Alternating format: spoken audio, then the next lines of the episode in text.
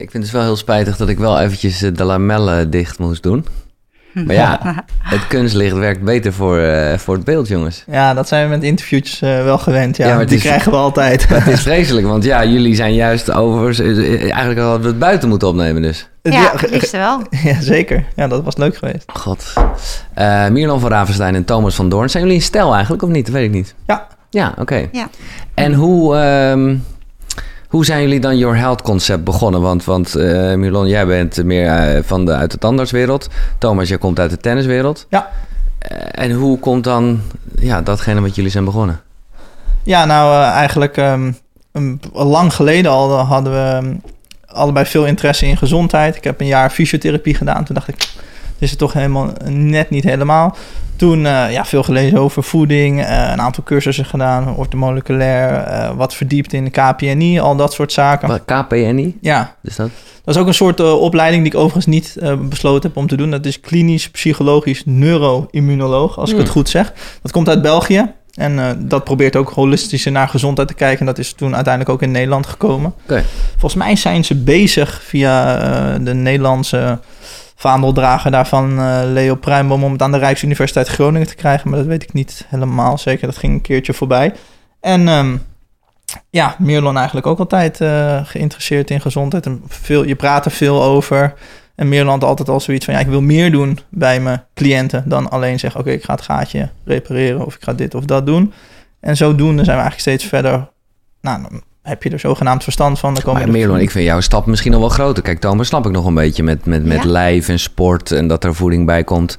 Maar eh, van, van tandarts naar eh, eh, ho- holistisch, zeg maar, het is, wel een verschil. Ja, ja, ik denk dat ons vak in de tandartswereld natuurlijk ook steeds meer ontwikkelt. Dus biomaterialen worden steeds belangrijker. Ja. Maar het is niet natuurlijk sec een, een bepaald gebied waar je naar kijkt. Je leert steeds meer om naar een veel groter gebied te kijken. En ehm, ja, en oorzaken te vinden van problemen. Niet Maar je alleen... zit helemaal nooit meer in iemands mond, of doe je dat ook Jawel, zeker wel. Oh, Drie, ja, drie dagen per week nog steeds. Ja, ja, in ja, een ja, eh, precies. holistische tandartspraktijk. En toen zaten jullie samen op de bank, of weet ik veel hoe het gaat, en dan bedachten jullie, oké, we gaan Your Health concept beginnen. Wat is het idee daarvan? Eh, het idee ervan is dat je eh, een, een, een concept ontwikkelt voor een persoon waarin je zijn leefstijl kan aanpassen en eh, via die leefstijlaanpassingen meer werkt aan de oorzaak van die persoon zijn gezondheidsprobleem of eventueel als diegene preventief iets wil voorkomen in plaats van dat je het idee hebt dat je continu symptomen aan het bestrijden Ja, ja, ja. hebt. Ja, precies. En dan hebben we het wel echt, dat, dat las ik, of het nou gaat over energieproblemen, slaapproblemen, huidaandoeningen, darmklachten, eh, die, die shit allemaal gewoon... Ja, ja, ja, in principe wel. Dus we proberen heel erg de principes van de kwantumbiologie eh, in, in die leefstijlaanpassingen te brengen. En die focussen zich eigenlijk op de energiefabrieken in het lichaam, onze mitochondriën. Ja, mitochondriën. Ik had het woord al opgeschreven, want ik denk dat ga je zeker een keer noemen. Ja, zeker. Wat is dat? Dat is, eh, zoals ik net zei, de energiefabriek in, in een cel. Eh, een beetje afhankelijk van welk type cel je hebt, eh, verschilt het hoeveel je er hebt. Dus bijvoorbeeld een hersencel heeft wel 3600 eh, mitochondriën die energie moeten produceren. Onze hersenen gebruiken ontzettend veel energie, dus dan moeten daar ook veel energieproductiefabriekjes aanwezig zijn. En dat is eigenlijk ook tegelijkertijd een antenne voor de omgeving. En op basis van de input in die omgeving bepaalt hij hoeveel energie die moet produceren. In de nacht is je energieproductie en je metabolisme anders dan om drie uur 's middags. Ja, ja. En dat wordt eigenlijk allemaal gereguleerd door het mitochondrium, omdat die in nauwe verbinding staat met je biologische klok. Dat is een onderdeeltje in de hersenen. En dat zijn eigenlijk onze twee focuspunten. En eventjes kort door de bocht, hoe zorg ik ervoor dat die mitochondriën werken als een malle? Nou, om door je biologische klok dus zo goed mogelijk te laten verlopen. Dus de biologische klok is eigenlijk een, eh, een biologisch dag- en nachtritme... wat de 24 uur eh, weergeeft. En jouw biologische klok is eigenlijk van nature heel sterk. Dus je hoeft daar eigenlijk weinig aan te doen om het goed te laten reguleren. Maar nu leven wij tegenwoordig eh, ja, in de moderne maatschappij. En eh, er zijn er heel veel externe factoren die onze biologische klok dus verstoren. Dus denk aan licht, denk aan heel veel stress, denk aan verkeerde voeding. En door al die externe prikkels, waar de biologische klok heel, heel gevoelig voor is, raakt onze biologische klok dus verstoord en krijg je dus energieproblemen. Ehm, dus wat voor jou bijvoorbeeld dan goed zou zijn, is die lichten hier, eh, hier bijvoorbeeld aanpassen. Ja, zeker. Ja, dus het is eigenlijk een antenne die continu bezig is om dingetjes te scannen in de omgeving. En dat zijn gewoon de basisdingetjes. Mhm. Licht, donkerte, maar ook variaties in temperatuur. Net zoals dat in de seizoenen gebeurt eigenlijk. Dat maken wij als mensen niet meer mee. Is dat voor een jaartje erg of twee jaar erg? Nou, niet echt, hè? want in principe is dat ritme, dat zit in jou, dat is echt heel sterk. Maar we zijn nu chronisch losgekoppeld van de natuurlijke leefomgeving. En dat brengt stress met zich mee. Maar er zijn toch gewoon heel veel mensen die elke dag in een kantoor werken en die gewoon super gezond zijn. Ehm, ja, die zijn er ook. Eh, dus die doen waarschijnlijk naast hun kantoorwerk nog een aantal zaken die die klok net op orde houden. Al zien we natuurlijk wel dat we in Nederland, hè, eh, als ik het uit mijn hoofd goed zeg, de laatste cijfers, we hebben 10 miljoen chronisch zieke mensen in Nederland. Dus Mhm. Ja, zoveel gezond zijn er Nee. ook weer niet. Ja, en dus dat zijn er alleen nog de steeds- geregistreerde. We leven wel steeds langer, maar ik denk ook wel dat we steeds... 10 miljoen, dat kan niet. Dat is twee derde van Nederland. Ja, Twee derde is chronisch ziek. ja dat, heb ik, dat is wat ik voorbij Oké. heb zien komen, volgens mij op eh, website van het RIVM. Nou. Nou ja, die, die, die, daar kijk ik sowieso niet naar. maar dat is een ander verhaal. Maar sorry, wat wil je zeggen? Eh, wat was ik aan het vertellen? Eh, ja, goede vraag, weet ik niet. Ik weet het ook niet meer. Nee, nou ja, kijk, ik, ik vind het echt top en ik, eh, ik vind, daarom heb ik jullie ook uitgenodigd, omdat ik zelf gewoon nooit zo bezig was met het licht en, en, en de biologische klok en zo. Maar ik denk ook, ja, wij zijn mensen. Wij zijn toch in staat om dat ook weer aan te passen. Dus de moderne tijd is toch gewoon zoals wij mensen. Eh, ja, eh, wij werken nu helemaal zo met heel veel, veel licht, met heel veel straling eh, en heel veel stress. Ja, Ja, we zijn ook heel goed in het aanpassen. Dat Ja. hebben we altijd gedaan. Exact. Alleen we zijn wel de absolute limieten daarvan aan het testen. En misschien ook wel aan het bereiken. Er zijn mensen in de winter die, die gaan om negen uur naar hun werk. Die komen om zes uur thuis. Die zien geen seconde daglicht. nee. Die zitten in een auto, een sportschool, een kantoor. Nogmaals, is dat erg als je dat een korte periode doet omdat er een deadline is of er moet iets Mhm. gebeuren? Nee, maar als je dat chronisch doet, dan ehm, leidt dat tot eh, problemen in de energieproductie. En we weten inmiddels al van 40, 50 jaar lang onderzoek dat in 80, 85 procent van alle moderne westerse ziektes een lage energieproductie de oorzaak is. Ehm, ja, en waar vindt die plaats? In het mitochondrium. Oké, waar let het mitochondrium Ja, op? ja. Hey, verdorie, die let op omgevingssignalen. Ja, en hoe fit is diegene dus eh, op kantoor? Hè? Is, die, is een 20, 30-jarige fit? En, en is hij, eh, als hij 40, 50 is, totaal niet meer fit? En als je dus die motorkap van die persoon bij wijze van open doet... dus je neemt bloedonderzoek af...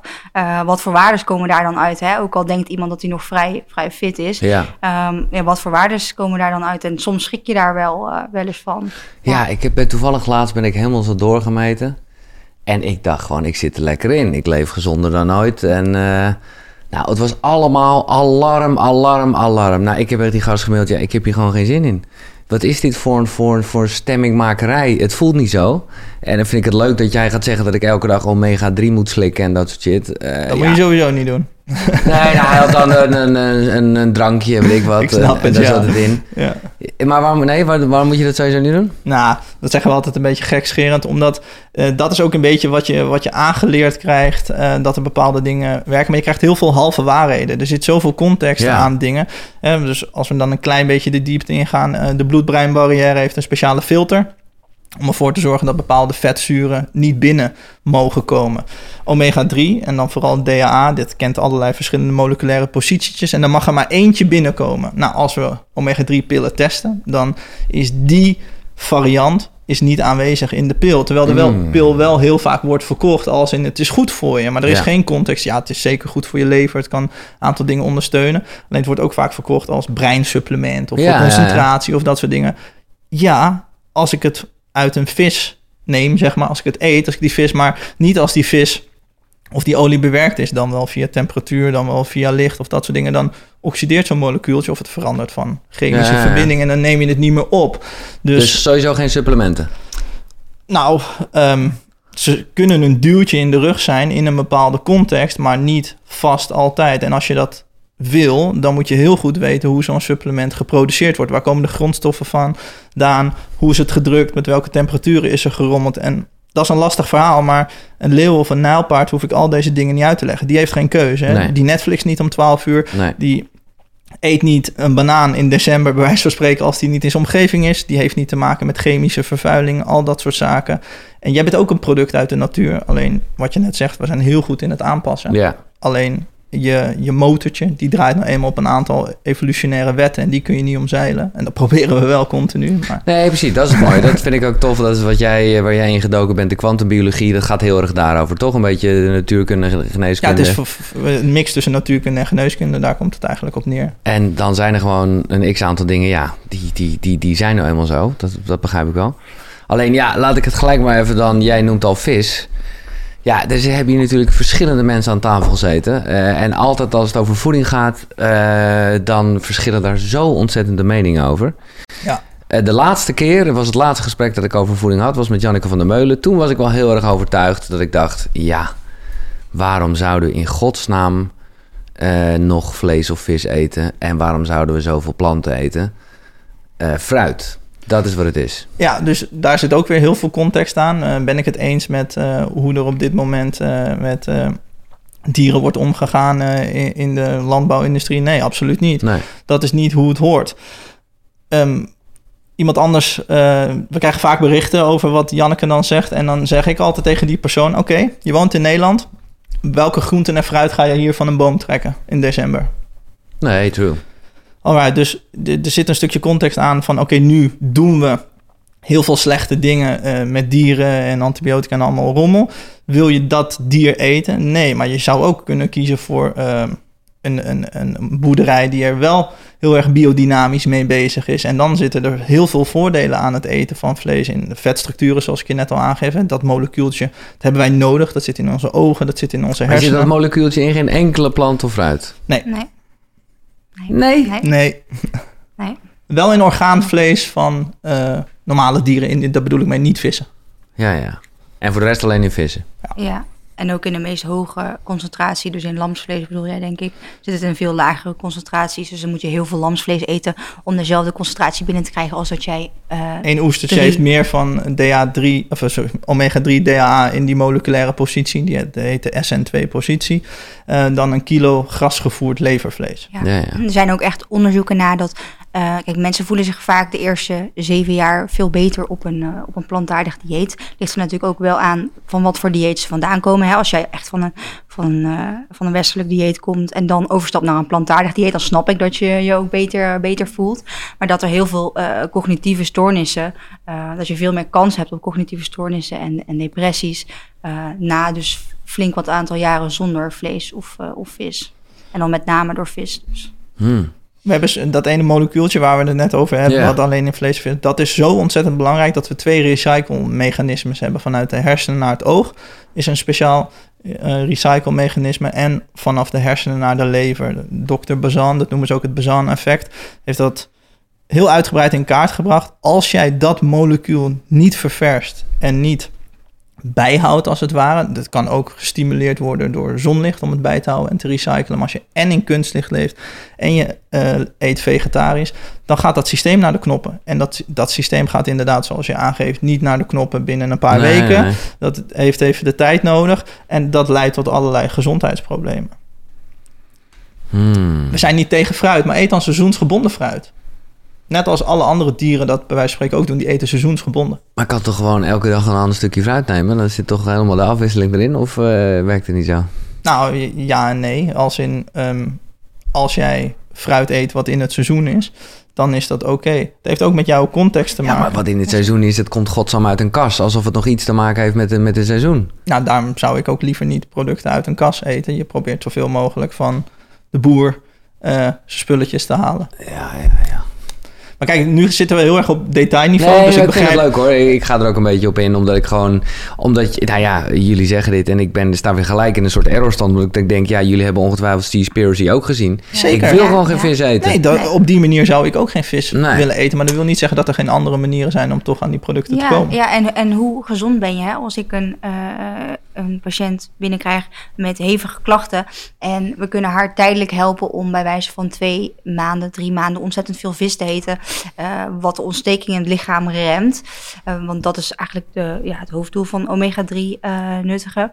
Ehm, als dat dus twee, drie maanden dat ze dat volhoudt en we gaan daarna minderen, Mhm. dan vind ik dat een, ja, een tijdelijke meerwaarde hebben dan... Eens. ja. Nee hoor, dat, dat, dat snap ik ook helemaal. Want mijn, bedoel, mijn beste vriend Ik heb hem regelmatig aangehaald hier, omdat eh, nou ja, hij echt heel lang corona heeft gehad. En ja, die was jaren vegetarisch en die is toch op een gegeven moment maar weer vlees gaan eten omdat gewoon uh, dat hem ook werd verteld. En dat heeft hem inderdaad wel geholpen in het aansterken ervan. Maar dan gebruik je het bijna echt als een soort medicijn. Ja, dat, en dat is het ook eigenlijk. Ja. Absoluut. Maar dat kan op geen enkele manier eh, met uh, suppleren, die omega. Dat kan gewoon echt niet.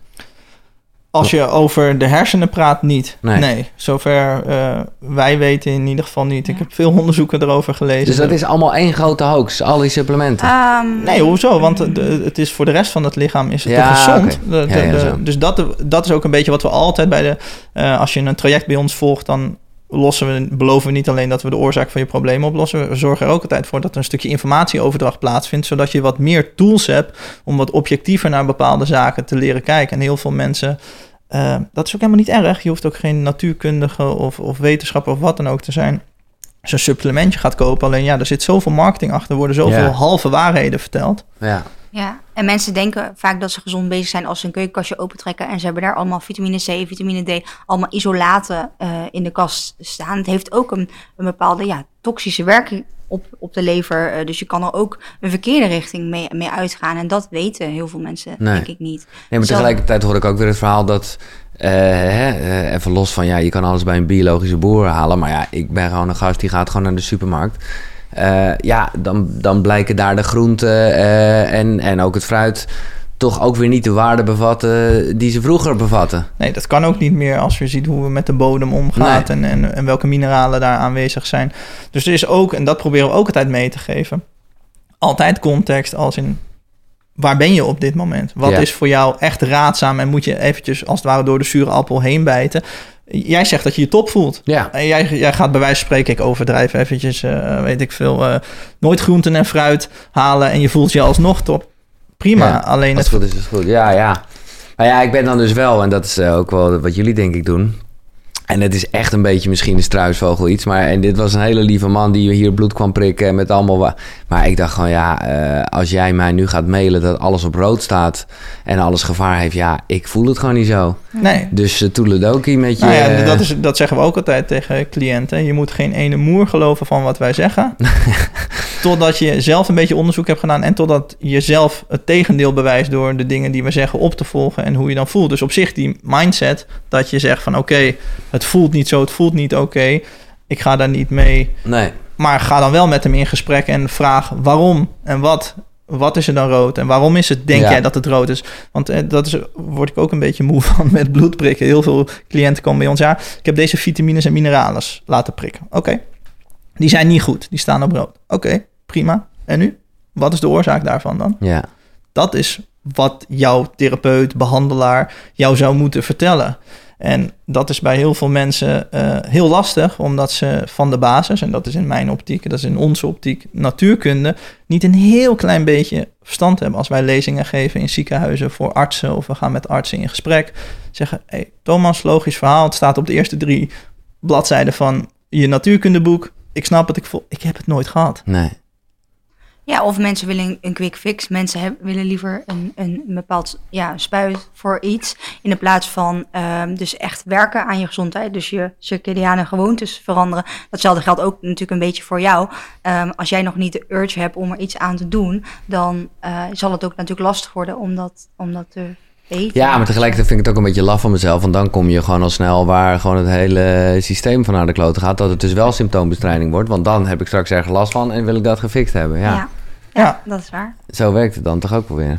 Ja, en het is gewoon tegenwoordig lastig met veel... Er zitten zoveel haken en ogen aan, joh. Typ dieet in op Google en je verdwaalt in het bos. Dat krijgen we ook tijd van cliënten toch.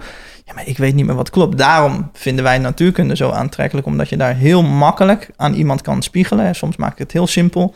Je hebt een batterij in een afstandsbediening, die heeft een pluskant, een minkant en er zit wat vloeistof in. Als het plusje of het minnetje scheef zit, dan kun je drukken op die afstandsbediening wat je wil. Dan gebeurt niets meer. Of vloeistof is vervuild, dan is de batterij op. Ja. Nou, zo werkt het in de natuur ook. Een atoom heeft een plusje, een minnetje en een neutrale kant. De zon zorgt ervoor dat het minnetje op orde komt. De aarde zorgt ervoor dat het plusje goed op orde komt. En als jij dus in de zon bent, blote voetjes op de grond, je verbindt jezelf met de natuur, of je over al die dingen waar je het net over had, grotendeels helemaal niet na te denken. precies. En ehm, hoe belangrijk is voeding ook, hè? Kijk, bij, mij, bij ons komen er heel veel mensen die al alle diëten hebben geprobeerd. Dus epi, paleo, ehm, noem het maar op. En dus hebben elke keer de, ja, de voedingsstof hebben ze aangepast. Ja. Dus zeg maar de benzine of de diesel van de auto. Maar als jouw eh, motor kapot is en je gaat ehm, alleen de benzine veranderen, dan gaat hij nog steeds niet lopen. Dus ja, wij, wat wij proberen is eigenlijk de motor weer aan het praten krijgen. ehm, in de plaats van weer een ander soort benzine erin te gooien. Mooi. En, en, en eh, ja, als je deze de vergelijking volhoudt, waar zit het dan in? Hoe pas je de motor dan aan? Ehm, door dus je biologische klok eh, de verstoringen te verhelpen. Ja, om weer die weer goed te laten verlopen. Zodat er hormoonafgifte weer klopt. De hormoonproductie eh, verloopt weer op tijd. Ja, alle klokken lopen weer met elkaar samen. Om in die vergelijking te blijven, als jij je auto straks start rijden, dan is het drie of is het één weg? Nee, dan begin ik meestal wel in zijn. Ja, nou, je kent mijn rijstijl niet. Nee, daarom vraag ik het. Maar ja, nee, dat, anders werkt het niet. Ja, dus op het moment dat de zon opkomt, totdat die ondergaat, schakelt hij ook naar allerlei verschillende frequenties. Die frequenties die duwen jou in een versnelling. Bij een rode Ja. zonsondergang en donkerte komt er, komen de andere hormonen vrij dan bij een zonsopkomst. Ja, Nou ja, als je dus altijd maar je lamp aanknalt, eh, je badkamer ligt, en dan zit de motor ongeveer op versnelling 3, 4. Het licht wat daar vandaan komt, lijkt totaal niet op zonlicht, maar het lichaam gaat zich, zoals je net al aangaf, aanpassen en dan lijkt het op 2, 3 uur 's middags. Als je dat chronisch doet, ja, dan op een gegeven moment slijt de motor. Dan kan ik wel Ja. andere benzine in die motor gooien, maar dan houdt het op. Dus je wil, wij willen altijd beginnen bij het aanpassen van de biologische klok. Hoe kun je dat doen? Dat kan je doen met temperatuur, met donkerte, met licht en voeding is ook maar afkomstig Ja, van, het ja, van het fotosynthese-netwerk. Dus is eigenlijk ook als we dat in en- enzymen, eh, als die dat knippen, dan zien we eigenlijk ook lichtflitsjes. hè. en de bacteriën in onze darmen laten ook heel veel licht los.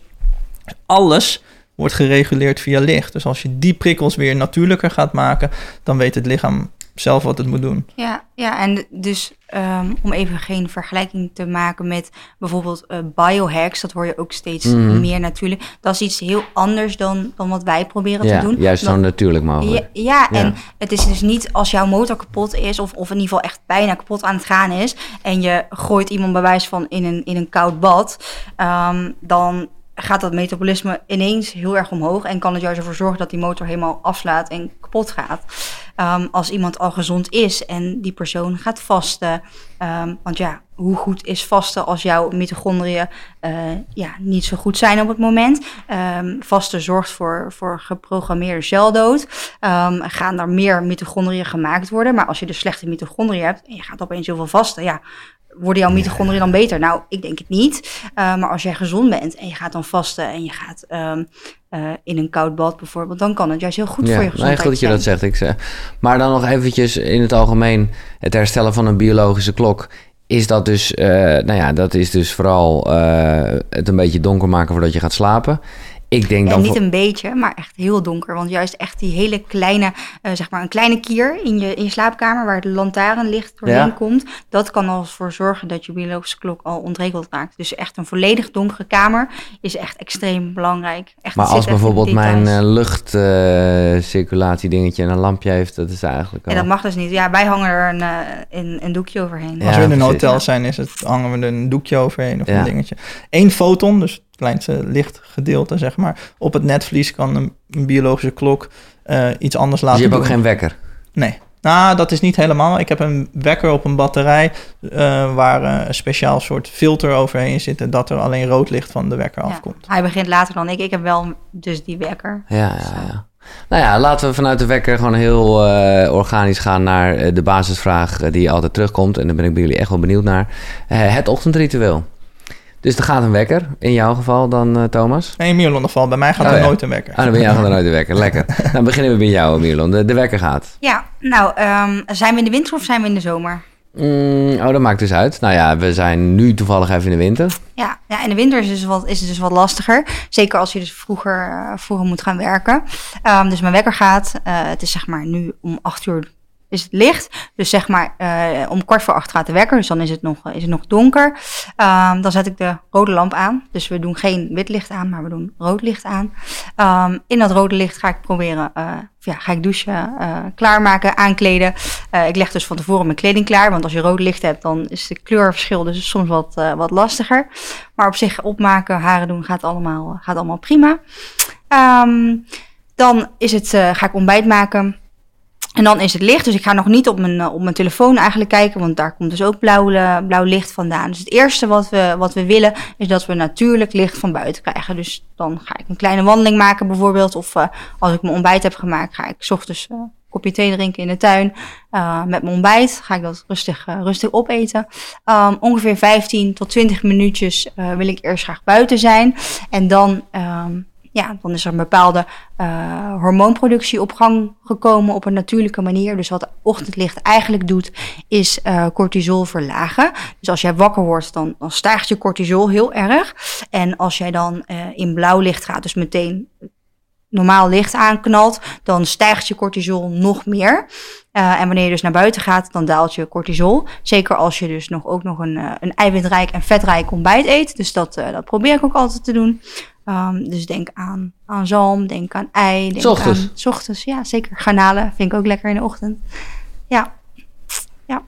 Dus, Oké, ehm, en dit was de, de ochtend... dat is redelijk mijn, of ja, als ik, ja, dat is redelijk mijn ochtendritueel. Dat is gewoon, Ja. ja En er komt geen, eh, geen, geen koud douche dus? Eh, nee, nee, Nee. nee, omdat in de ochtend vind ik dat niet zo eh, geschikt. Omdat koud douchen zorgt voor een tijdelijke cortisolstijging. En dat vind ik voor juist in de ochtend wil ik juist mijn cortisol naar beneden brengen. En Ja, niet ja.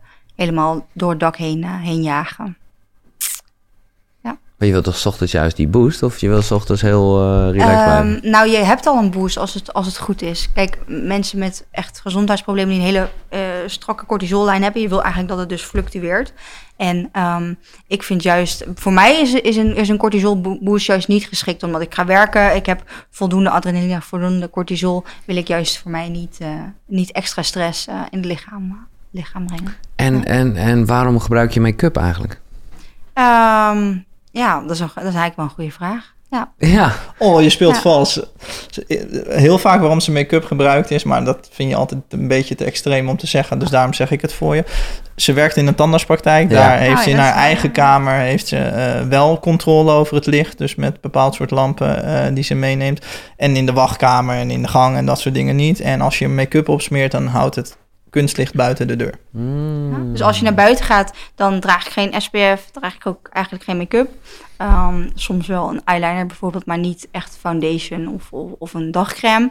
Ehm, maar juist als je in natuurlijk licht bent, dan wil ik liefst mijn huid blokkeren voor dat, eh, voor dat licht, voor die Ja. Voor in het kunstlicht bedoel je, Ja, wil je het ja. blokkeren. Ja. En, en eh, dus ook niet het vaste, begrijp ik. Het intermittent fasting waar je veel Absoluut mensen... niet in de ochtend, nee. Ik vind het juist een heel goed signaal om, als het dus dag is, om dan wel te eten. Eh, dus als het licht is, eet ik wel. En als het donker is, dan eet ik niet.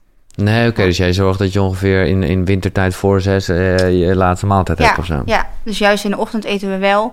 Ehm, eh, we doen eigenlijk intermittent fasting, maar dan andersom. Ja, ja, dat is nog steeds eh Ja. intermittent fasting. Oké.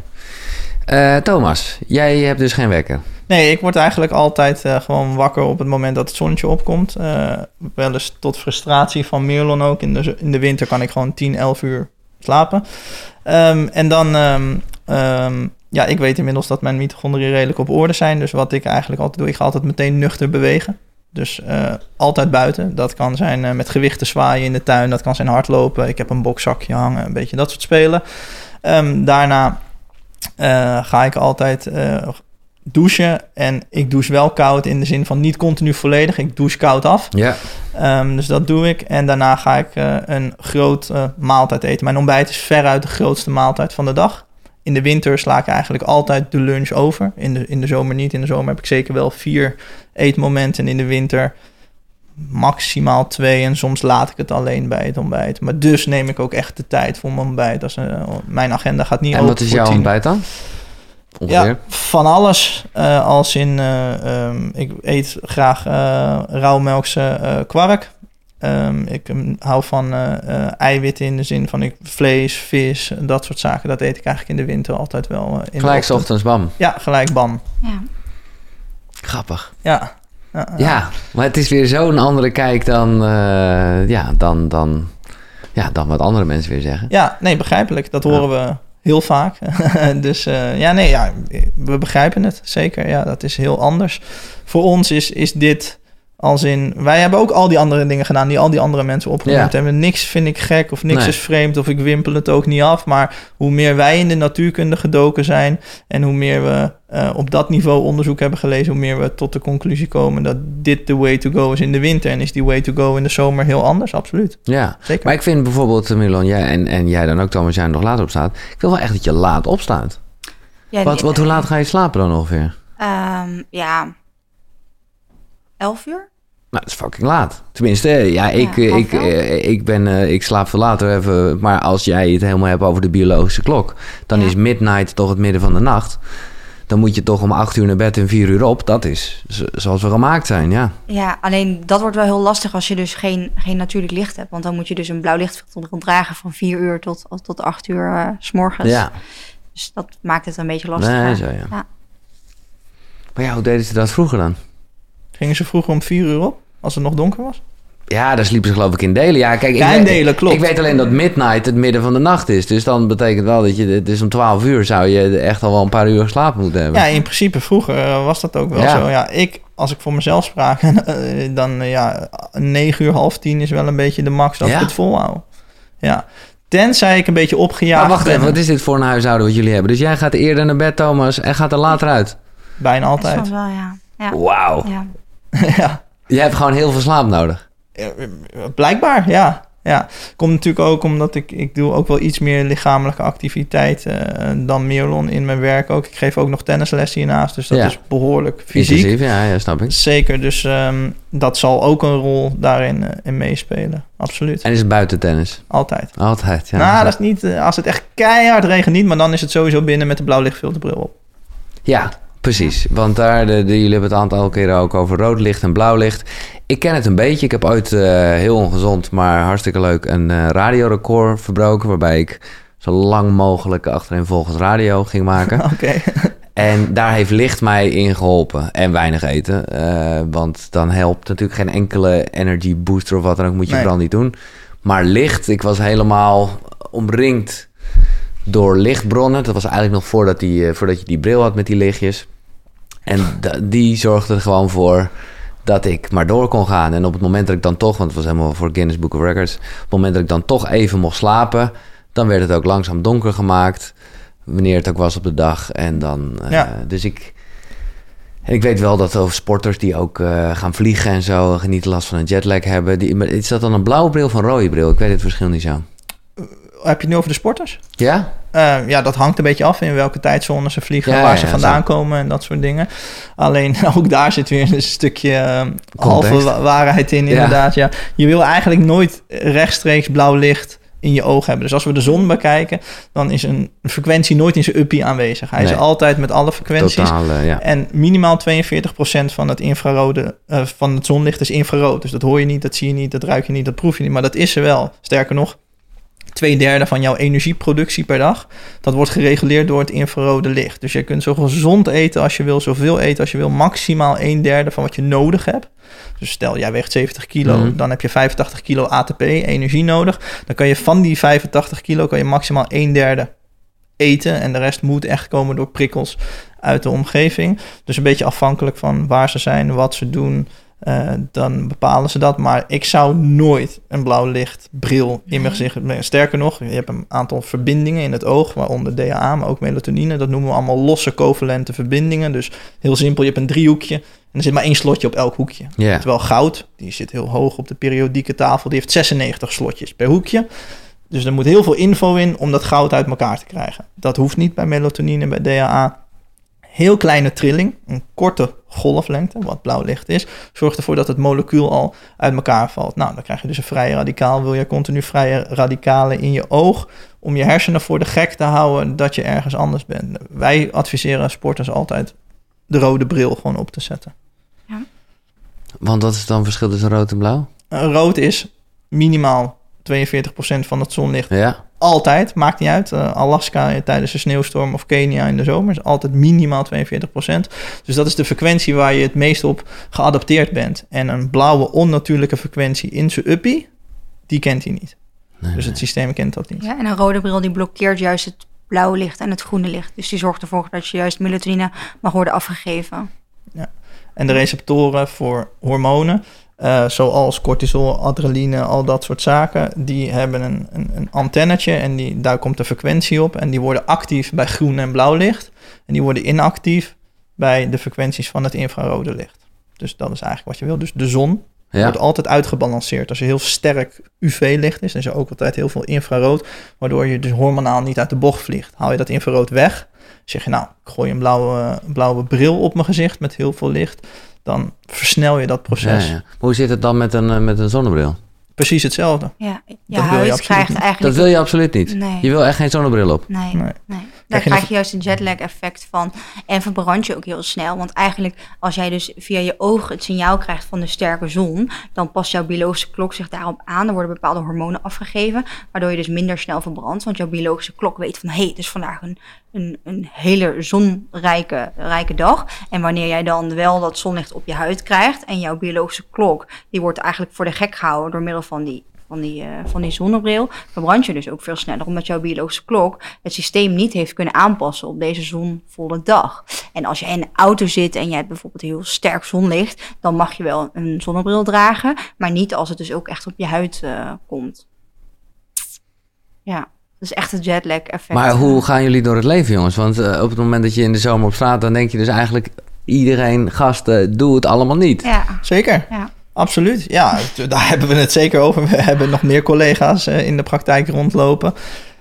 Ja, op, je, je, je, sluit je maar af in die zin. Je helpt alleen mensen die gevraagd, die vragen voor hulp. Want anders word je loco. Ja, dat is bij vrienden, familie.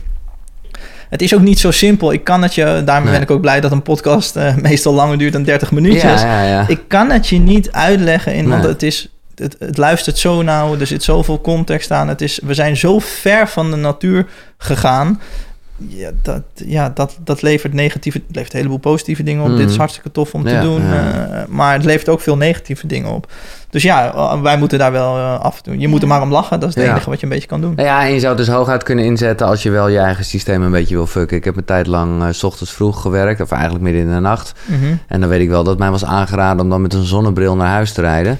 Waardoor, want dan ging ik daarna nog slapen. Waardoor, nou ja, in ieder geval mijn hersenen dachten dat het weer donker ging worden. Nee, precies. Dus je, je kunt het altijd inzetten als een tool om iets te bereiken. Dat is eigenlijk de blauwe lichtfilterbril die we je ook geven. is geen oplossing, is een tool. Maar dit zou dus in plaats van die zonnebril zou dat dus eigenlijk beter zijn om dat dus naar huis te dragen. Wel... Maar ook overdag in de zon? Nee, overdag in de zon niet. Want... Maar wat doe ik in de overdag in de zon? Doe ik niks. Nee. gewoon vol op die zon in Dan moet je juist natuurlijk licht krijgen, ja. Maar dan ja. word ik toch helemaal gek, joh? Nee, als je dus gek wordt, wil dus zeggen dat je biologische klok wel aardig een beetje verstoord is. Want als je... Nee, ik bedoel gewoon meer qua pijn, want die is gewoon... Ja, maar het, hoort eigenlijk pijn geen pijn te doen. Je hoeft natuurlijk niet vol in de zon te kijken. Maar als jouw biologische klok uh, goed loopt, dan moet jij op een... Zeker in Nederland, hè, onze zon is niet zo sterk als, uh, als bij de Evenaar. Dan moeten wij gewoon zonder tranende ogen uh, buiten kunnen zijn. Zonder dat jij een zonnebril op wil zetten. Hmm. En uh, gewoon nog even nieuwsgierig hoor. Als je doen horen over een speciale klok en zo. Hoe zijn jullie dan sowieso met ja, elektrische apparaten, straling, die shit? Ja, dat is ook een frequentie. Dus dat wil je in principe in bepaalde momenten liever niet. Dus de wifi is bij ons s'nachts nooit aan. We werken op de praktijk met bekabeld internet. Uh, we hebben geen apparatuur in de slaapkamer. Uh, mobiele... de energie, dus ook alles, uh, zeg maar, de stopcontacten eruit halen. Alle stekkers eruit. Dus niet je thee, je, je waterkoker altijd erin laten zitten, altijd even eruit, uh, eruit doen. Wat een leven, jongens. Super ja, chill. Het, klinkt heel, uh, je krijgt er natuurlijk ontzettend veel voor terug, maar het klinkt allemaal veel alsof je de hele dag daarmee bezig bent. Maar dat nee, is, nee, ik stel. En het is ook niet van het een op het andere moment gekomen. en wat nee. je ervoor terugkrijgt, uh, wij kunnen elkaar aankijken en zeggen dat we in de laatste tien jaar nooit een griepje hebben gehad, nooit een dagje werk hebben gemist, nooit. Ik heb uh, mensen in mijn omgeving noemen mij voor de grap altijd vuurpijl van gast, Jezus, waar haal je de energie vandaan? Oh ja, maar ik denk ook, uh, ja, nee, ik snap het. Maar een beetje weerstand opbouwen met, en dan bedoel ik ook met elektrische straling en dat soort grappen, ja. Maar die krijg je al. Ik zit hier toch, dus ja, nee, ja. Het niet dat hier te knallen als een malle, maak je geen zorgen. Nee, dat krijg ik wel inderdaad. Ja. We gaan ook eh, eh, met een vliegtuig op Ja. vakantie wel eens. Ja, Ja. ja. eh, we- we- en eh, ik krijg ook heel vaak de opmerking, ja, wifi van de buren dan. Ja, daar heb ik geen controle over. Daar kan ik niks aan doen. Nee. Ja, het is niet dat we op een, in een hutje op de hei moeten wonen om, om gezond te blijven, zeg maar. Zeker niet. Nee, maar je dat moet weet wel ik. andere dingen doen. Maar ik vind, eh, ik zag op een gegeven moment een filmpje van jou, Thomas, waarbij je gewoon echt al het licht in je, in je ijskast uit hebt gedaan. Ja, lijkt mij gewoon vervelend. Als je niet goed ziet wat er in je ijskast staat. Ja, Ja. ik snap het. Ja, maar alles went. Ik heb daar helemaal geen last van. Want nu knal ik gewoon mijn rode lamp aan. Of ik knal mijn gele lamp aan. Ja, dat zit gewoon in huis. Of, en we overdag, eh, zeker als we wel eens bezoek hebben of zo... dan gebruiken we ook gewoon een gloeilamp. Die heeft heel weinig blauw licht. Hij heeft wel wat hoor. Eh, en heel veel, eh, heel veel infrarood licht. Dus ehm, ik ben helemaal met je eens. Het moet wel leefbaar zijn. Het, dit soort dingen moeten altijd... ehm, gebruikt worden om je leven te verrijken en minder Ja. stress te krijgen en het lekker te vinden en relaxter in je vel te zitten dan dat het andersom is. Ja. En tuurlijk, als jij ziek bent en je moet een maandje door de zure appel heen om leefstijlveranderingen te maken, oké, dat hoort erbij, maar het moet niet zo zijn dat je eh, ja, bijna als een dwangneurose met dat soort dingen nee. bezig bent. Dat Nee, is maar zo, jullie, eh, zo, zo voelt het ook niet hoor. Dus, maar ja, hm, hm. oké. Laten we gaan. Ik heb jullie gevraagd eh, om na te denken over drie boeken die nou ja, van belang zijn geweest op jullie reis tot waar jullie nu eh, staan. Dus ik ben benieuwd. Wie eh, wil er eerst? Maakt me niet uit hoor. Eh, ja, Ehm, Dames gaan voor, oké. Ja. Milan eerst. Ik ga even snel naar het toilet. Ik zal eh, proberen het met licht uit te doen. laat de deur maar open hoor. Milan, wat is... eh, ja, ik ben heel, ik, ja, ik ben heel benieuwd wat voor boeken jullie... eh, of kom je echt met tandartsboeken? Of wat? eh? Ehm, Nee, nou ja, er zijn er Hij was heel, wel tandarts, die gozer. Heel veel, ja, ja, voeding en fysieke degeneratie van Weston A. Price eh, vind ik eh, heel interessant om te lezen. Ehm, en Want wat, waar, waar gaat het boek over? Ehm, het, ja, Eh, kun jij dat uitleggen? Het is jouw favoriet boek, maar ik gebruik het ook veel. Maar nee, het gaat over zijn eh ex-standaards die onderzoekt wat voeding doet op botstructuren, waaronder ook tanden, eh, in het natuurlijke licht. Dus hij gaat bijvoorbeeld naar Eskimo's of allerlei inheemse stammen en hij komt er dan achter dat er bijna geen karies is en, en dat soort zaken. En dan doet hij later hetzelfde soort onderzoek op dezelfde type mensen, alleen die dan westers leven. En dan ziet hij opeens wel allerlei gezondheidsproblemen, terwijl ze om en nabij, natuurlijk niet helemaal, maar hetzelfde eten. Maar dan gaat het dus heel erg over de combinatie licht en voeding. Nou, het is een boek uit 18 eh, nog wat. En dus hij was niet... Hij wist niet waardoor het kwam, maar het viel hem extreem op. En dat heeft hij gewoon zo opgeschreven zonder daar een mening over eh, te geven. En later is er een hele organisatie ontstaan, de Western A. Price organisatie. Een hele grote organisatie die heel veel bezig is met voeding en eh, leefomstandigheden, om die link te leggen. En toen zijn ze erachter gekomen dat licht daar de dominante rol in speelt. Maar ja, dat is ja, niet... Of dus juist het, het, het buiten zijn. Dus wat je dan ook eigenlijk eet. Of je nou zuurdees brood eet met zuivel. Wat eigenlijk, ja, brood is opeens de dood, zeggen ze Ja, soms. ja. Hè? En eh, vroeger was er dus geen karies als mensen gewoon brood aten. En zuivel. Uh, dus het wat hij dus eigenlijk concludeert is dat niet altijd het voedingspatroon uh, ja, de boosdoener is van, van die gaatjes eigenlijk. Maar ook dus, uh, dan komen we op licht, temperatuur, Ja. uh, nou ja, elektromagnetisch veld. Ja, precies. Ja. Plusjes en minnetjes, elektronen en protonen. Maar jij eet gewoon brood? Um, Het is heel maar- weinig. Oh nee, ja. want dat, dat Ja. is, dat, bedoel, daar, waar, daar was ik van overtuigd dat op zijn minst nog het meeste mensen daarover eens was. Dat dat niet Dat dat- het gezondste is. Nee. Nee, Nee. nee, zeker nee. Oké, nou, een eh, leuk voedingsboek. Oké, eh, welke nog meer? Um, How to Eat, uh, Move and Be Healthy van Paul Jack. Oké, Um, dus denk ik aan het begin van uh, waar ik begonnen ben, dat ik dat boek begon te lezen. En het is, ja, het heeft denk ik wel echt uh, 100, 200 pagina's. Er staat echt alles in over ja, wat je gezondheid maar kan bevorderen. Dus echt van voeding tot beweging, tot koffie, tot thee, tot slapen. Echt, ja, alles wat gezondheid zeg maar inhoudt. En dan heel begrijpelijk uh, uitgelegd. Dus ook voor patiënten die ik krijg, vind ik het nog steeds een heel waardevol boek. Uh, om dat aan hun, uh, aan Ja. hun mee te geven. ik vond het opvallend, eh, als ik eerlijk ben Milan, dat jij gewoon een koffie wilde. Wat ik bedoel, ik zit hier ook aan de thee in de boost hoor. Ik, maar ik, ik, ik bleef ook niet gezond in, die, in dat opzicht. Dat ik gewoon, nou dat had ik niet verwacht, laat ik het zo zeggen. Ja, nee, ik drink af en toe.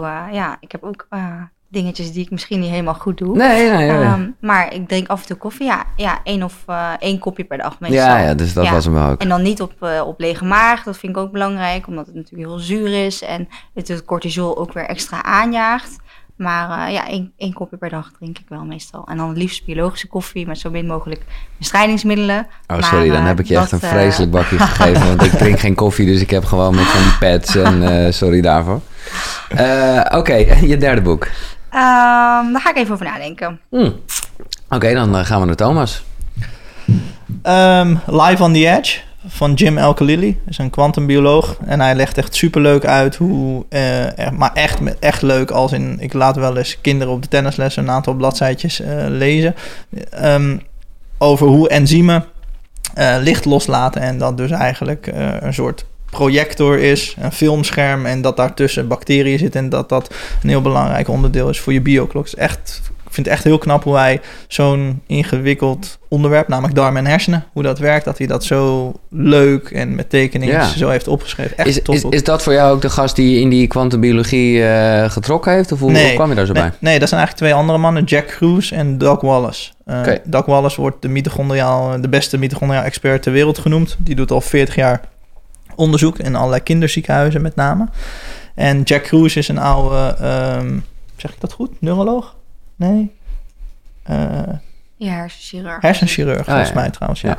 En eh, die is helemaal, die heeft een soort board opgericht met 25 andere artsen. eh, dat heet Optimized Life. En daar zijn alleen maar kwantumbiologie docenten. En daar heb ik een soort eh, ja, Mijn permanente ja. cursus. Dus één keer per maand praat je met hem. En dan zegt hij. Hey Thomas, lees dit, lees dat. Let op dit Maar onderzoek. hoe kwam je daar zo bij? Ehm, via mijn zusje eigenlijk. Ah, oké. Ik heb een eh, gehandicapte zus met een bepaald soort afwijking. En daar, eh, die schijnt vrij zeldzaam te zijn. En er werd eigenlijk gezegd, nou, dit klachtenbeeld, dat hoort erbij. En daar kun je niks aan doen. Dus dacht ik, ja, dat is gek. Ja. Moeten we dit zo gaan accepteren dat het zo loopt? Dat hoeft toch helemaal niet? Dus toen eh, via Paul Check en allerlei andere dingen zoeken in contact gekomen met hem. Hem een keertje geskyped. Hmm. En toen zei hij van, nee gast, dat is echt niet nodig. Eh, dat, dat kunnen we betrekkelijk makkelijk, niet omdraaien, maar Nee, wel nee. remmen. En heeft, dat heeft geholpen? Ja, heel erg. Oh, Zeker, ja. Ze is helemaal van de metformine af, diabetes type 2 vrij. Eh, ja, het gaat hartstikke goed. Wauw, ja. mooi. Ja, en toen kwamen we er eigenlijk achter dat het voor veel meer symptomen... Dus wat je zegt van... Als je onze lijst ziet met klachten waarbij wij kunnen helpen... dat zijn er natuurlijk eigenlijk heel veel klachten. Dat mensen zeggen, zijn jullie nou en darmspecialist Nee, en energiespecialist? Nee, Eh, het heeft gewoon allemaal met elkaar eh, te maken. Ja. natuurlijk. nee Ja. dat geloof ik goed, ja. Eh, een Ja. ander boek. Eh, The Fourth Phase of Water, dat is van Gerald Pollack. Hij eh, is ook wel grappig. Hij had per ongeluk eh, ehm, zijn microscoop aan laten staan. Eh, en hij heeft allerlei verschillende kleurtjes licht in zijn microscoop. En ze waren bezig met wateronderzoek doen.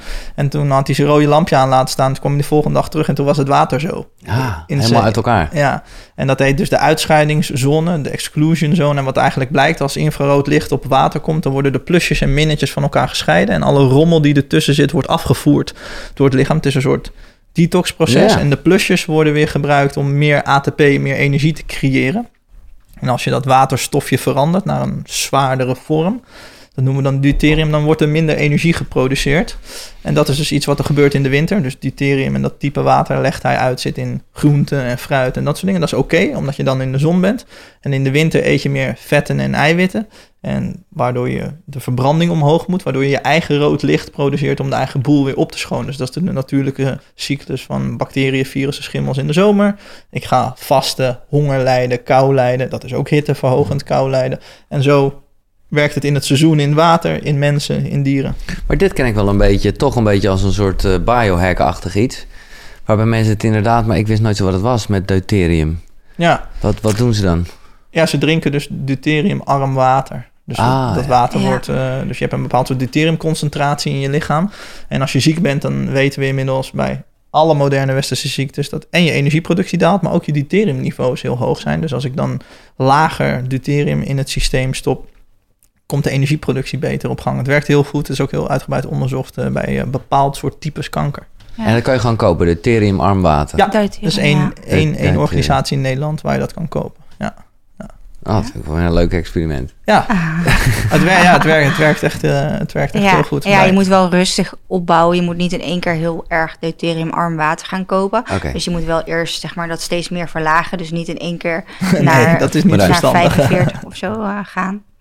Is wel belangrijk, ja. Oké. Dus laat even weten als je het gaat. eh, Ja, ja, ja, nee, maar het is goed dat je het zegt dat ik rustig aan moet doen. Want ik ben dan meestal we gaan van, nou, we drinken even alleen maar dat. Kijk, wat mij misschien voor boek Ja. Epipaleo RX, Dr. Jack Roos heeft dat geschreven.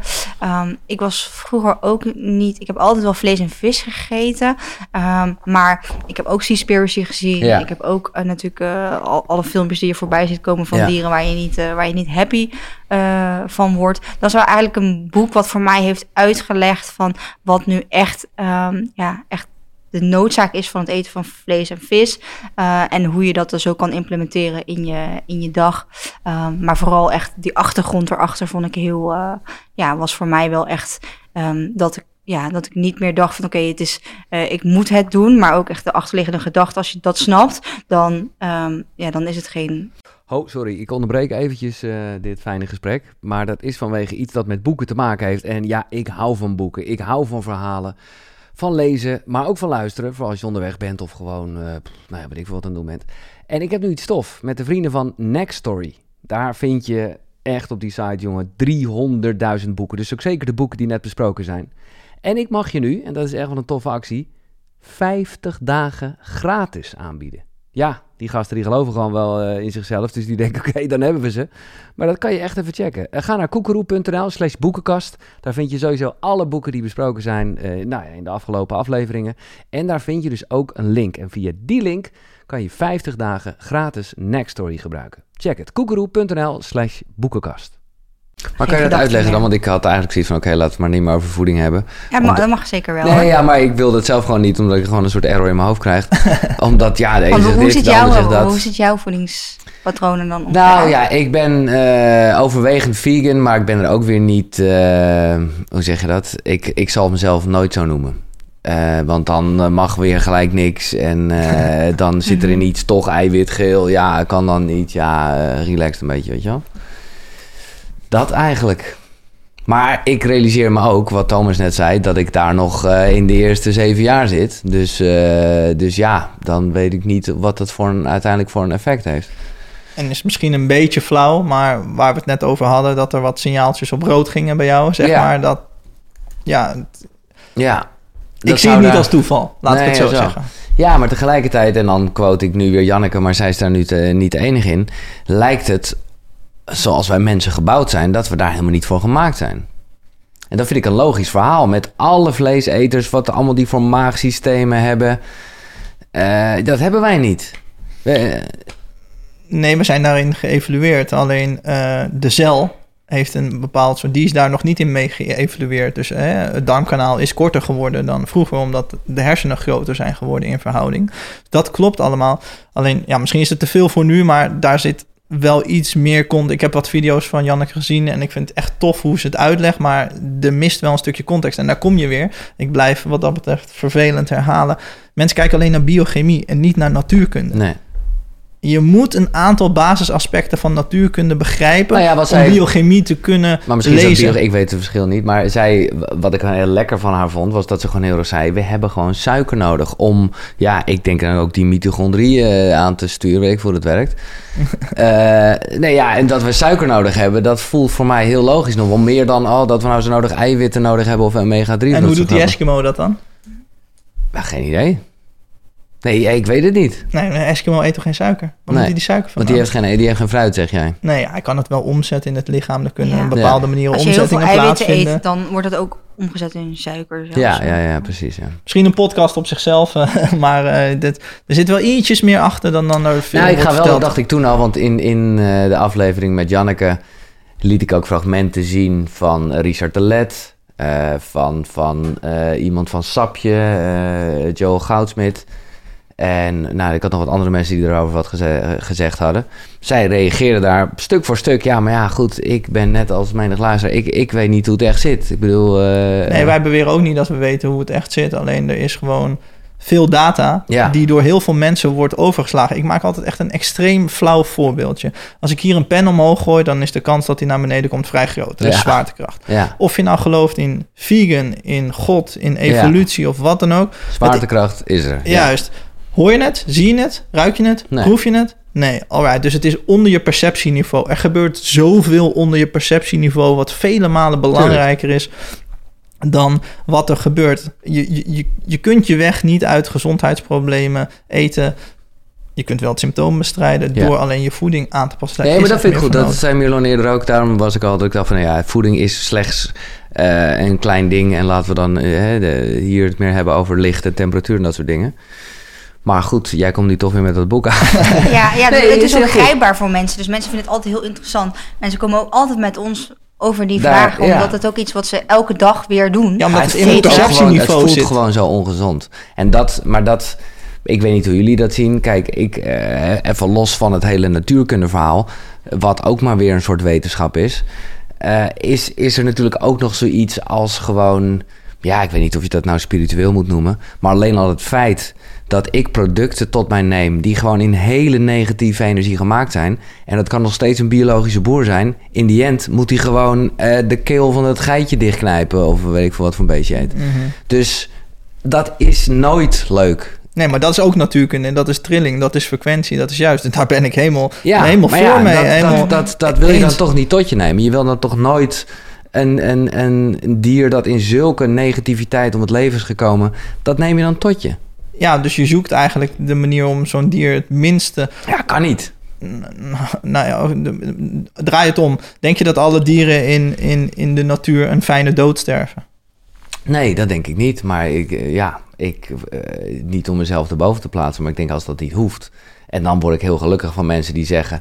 Hè, en dat, dat vond ik nou wel fijn aan Janneke, omdat ik ook wel voelde van... ja, te veel planten is gewoon niet goed. Hè, met alle zuur en dingen, dat weten we allemaal wel Ja. een beetje. Maar te veel fruit, wauw, dat bestaat bijna niet. Eh, ja, dus here we go. Ja, ja. Alright. Nee, Ja. maar eh, ik, ik, wat, wat oké, over voeding, dat is echt, eh, daar ga ik echt gewoon een keer een soort leuk ronde tafelgesprek, zonder dat het heel erg wel eens niet is wordt. Want ik weet, Graag. voel wel aan alles en iedereen dat het gewoon gaat om het delen van kennis en, eh, en ja, ze gewoon willen dat iedereen gezond is. Ja, nee, we willen ook 100%. niemand eh, afkraken. Ja. maar hoe zie jij dat Miron dan, als ik dat zeg met, met, met de dieren en die energie? Ja, het is een wat zweverig verhaal. Ehm, nou, ik vind dat niet een zweverig verhaal. Ik denk dat iedereen natuurlijk moet doen. Kijk, voor niet is eh, het perfecte dieet is er voor niemand standaard. Dat moet je voor jezelf dus uitvinden. Ja. En dat is soms een hele lange reis. En misschien is dat dus voor jou, ehm, ik noem maar wat, hè, dat je één keer per week of één keer per twee weken iets eh, ergens koopt waarvan je weet dat het op een redelijk oké manier eh, Ja, gedaan is. En dan kan het een toegevoegde waarde voor je gezondheid zijn. Maar als jij iets moet eten waar, waarbij je niet helemaal achter staat. ehm, ik betaal heel graag ehm 6 euro bij, de, bij een biologische boer ja. voor een bepaald stuk vlees. En dan is dat, dat geld mij helemaal waard. Nee, dat snap ik, maar dan vind ik dus wel een soort hoax. Ik snap het dat het ietsjes beter gegaan is, maar die hebben nog steeds een good-out gemaakt, ja. Ja, Ja, ja. ja maar ik Ja, denk maar dat is wel dus, dat ik, je... ik hoor je wat je zegt en dat is, eh, dat is dus een, een, hoe moet ik dat noemen, een mentale keuze, maar dat is niet hoe Het gaat niet Evolutie werkt. Nee, dat denk ik ook. Hoe kan je dat uitleggen? Ja, er, ehm, dus ik leg dat ook altijd een beetje flauwig uit. Als in de, je hebt dag en nacht nodig. Ja. Als, als, ja, als, ja, zo. En de, zo werkt het in de natuur ook. Ja. En jij bent een product van de natuur. Jij zit nu in een mindset. Ik ben mens en ik sta daarboven. Nou ja, dat wil ik dus zeker niet zeggen, maar, Nee, ik, maar- Ik, ik weet gewoon niet of het nodig is. Je hebt een prefrontale cortex waardoor je jezelf buiten de natuur kunt plaatsen. Je kunt, je bent, je kunt slim genoeg zijn om een kunstlicht te ontwikkelen en dom genoeg zijn om eronder te leven. Ja. Dat zijn mensen. ja, Ja, mooi gezegd. Eh, ik denk dat jij nog een derde boek, toch? Ja Ja. Alexander Leu, Leven zonder angst. Ehm, is een, ja, vind ik een heel tof eh, boek. gaat over, eh, grotendeels over het I- Oedipale-syndroom en hoe dat verder eh, do- zich door kan ontwikkelen. Wat, Dus, ik ben daar niet mee bekend. Wat is ah, dat? is zeg maar een, een relatie die je hebt met je ouders. En Oh, hoe vanaf jongs af aan al in je neuronale netwerk, als het ware, bepaalde gewoontes worden geïmplementeerd omdat je een bepaald contact hebt ehm, met mannelijke energie en vrouwelijke energie. En hoe zich dat verder doorontwikkelt als je daar niet van loskomt voor ziektebeelden en eh, ja, vooral geestelijke gezondheid, daar gaat het eigenlijk een heel groot deel over. Ja.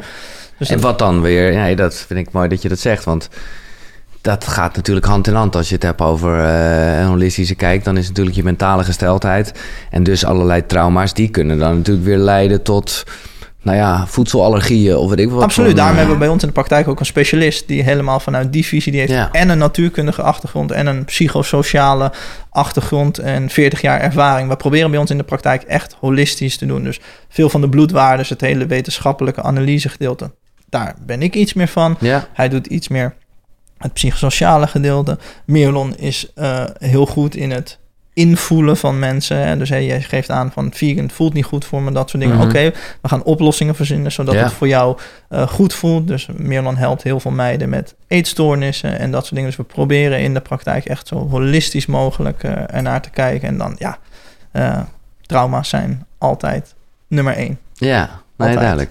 En, en ehm, ja, dat, we hadden het er net al een klein beetje over. En ik vind het leuk dat jij er toch wel op een mooie manier de natuurkunde aankoppelt. Want wat grootste vraag, maar hoe, hoe spiritueel ben je, Thomas? Wat, want ik, ik hoor in jullie beiden, en dat hoeft ik helemaal niet, maar in jullie beide ochtendroutine zit ook niet echt een soort meditatiemomentje. Eh, maar goed, nee, sorry. Mijn vraag is, hoe spiritueel ben je? Ehm, dat is altijd lastig van, je, van jezelf te zeggen, eh, denk ik. Ehm, ik probeer kennis en kunde te koppelen om de spiritualiteit te begrijpen. Ja, Mij geeft het houvast dat er een aantal dingen die onder perceptieniveau gebeuren, dat we die via apparatuur kunnen duiden. Dat noemen we dan eh, natuurkunde. En dat is voor mij allemaal spiritualiteit. Spiritualiteit is voor mij. eh, je hebt heel veel verschillende golven, heel veel verschillende type energie. En als die op een bepaalde manier interactie met elkaar hebben, dan leidt dat tot een bepaald resultaat. En als dat net iets anders is, dan leidt dat ook weer tot een ander resultaat. Dus eh, ben ik spiritueel als in ik zit op een stoel en ik mediteer? Eh, nee, niet. Ben ik spiritueel omdat ik mezelf verbind met de aarde en daar rustig eh, een bepaalde sportoefeningen ga doen in een bepaald repeterend Mhm. patroon, Nou zodat ja, ik het dat is ook idee heb. meditatief. Ja. Ja, exact. Eh, ja, op die manier wel. Daar ben ik zeker wel eh, veel mee bezig. Zo'n boek Leven zonder angst. ja. Dat is voor mij waardevoller dan wat ik geleerd heb in natuurkunde. Alleen ik probeer, omdat ik ook een modern westers mens ben, ik wil ook weten hè, met die prefrontale Nee, cortex hoe het zit. Ja. Exact, probeer ik die tools die ik daar heb geleerd om steeds verder een stapje eh, eh, daarbij te komen. En jij, eh, Ehm, ja, ik ben daar denk ik nog heel eh, lerende in. Ehm Marieke van Meijeren was ook eh, een tijdje geleden Zeker, ik, ja, ja, bij jou. Ja, ik vind ja. haar een hele eh, mooie en krachtige vrouw... die daar heel veel meiden zoals ik, vrouwen, mee begeleidt. Ehm, dus daar ben ik nog ja, wel ja, jong en Ja, maar dat zijn we allemaal. Het is niet dat je daar In, een soort level in hebt. Ja. Maar ik moet zeggen dat je dan wel gelijk... nou, ja, nou ja, heel goed. Dat je dan wel... Marieke, die, dat is, gaat wel gelijk... Nou, niet zozeer ver, maar wel eh, met transcendente reizen en toestanden. Ja, zeker. Maar hebben Ja. jullie daar ervaring mee? Hebben jullie ook een keer, eh, weet ik veel, eh, experimenten daarin gedaan? Ayahuasca gebruikt? weet Zeker. Ja. ja. Ja. En wat, wat, wat gaf dat jullie? Ehm, mij heel veel ehm, een soort van eh, rust, maar ook actie. Mhm. Dus juist eh, echt wel echt handvaten voor mezelf. Ehm, eh, ja, die, die meer flow in mijn leven hebben gegeven. Dus echt handvaten van hey, eigenlijk een soort van ja, onderwijzeres die mij dus leerde hoe, ik- hoe, ja, hoe ik beter voor mezelf kon zorgen en dingen kiezen die beter bij mezelf pasten. Pet? Voor mij gaf het me heel erg minder bezig te zijn met het zelf en meer met het zijn. Hmm. Ik zie het zelf als het lichaam. Dus als je in de spiegel kijkt, Ja. dan zie je jezelf. Ja. En het zijn is altijd wat moeilijker eh, aan te wijzen. Ehm, en dat, dat, daar had ik echt het gevoel mee dat ik daar echt een connectie mee maakte. En daar echt eh, een soort reis mee maakte met allerlei verschillende emoties die voorbij komen, die je wel eh, herkent en ook erkent. Maar dat je ook wel merkt van hé, hey, dat er een spiegeltje werd van hé, hey, die onderdruk je wel eens uit deze gewoonte. Of die onderdruk je wel eens ja, uit die gewoonte. Mooi. Ja.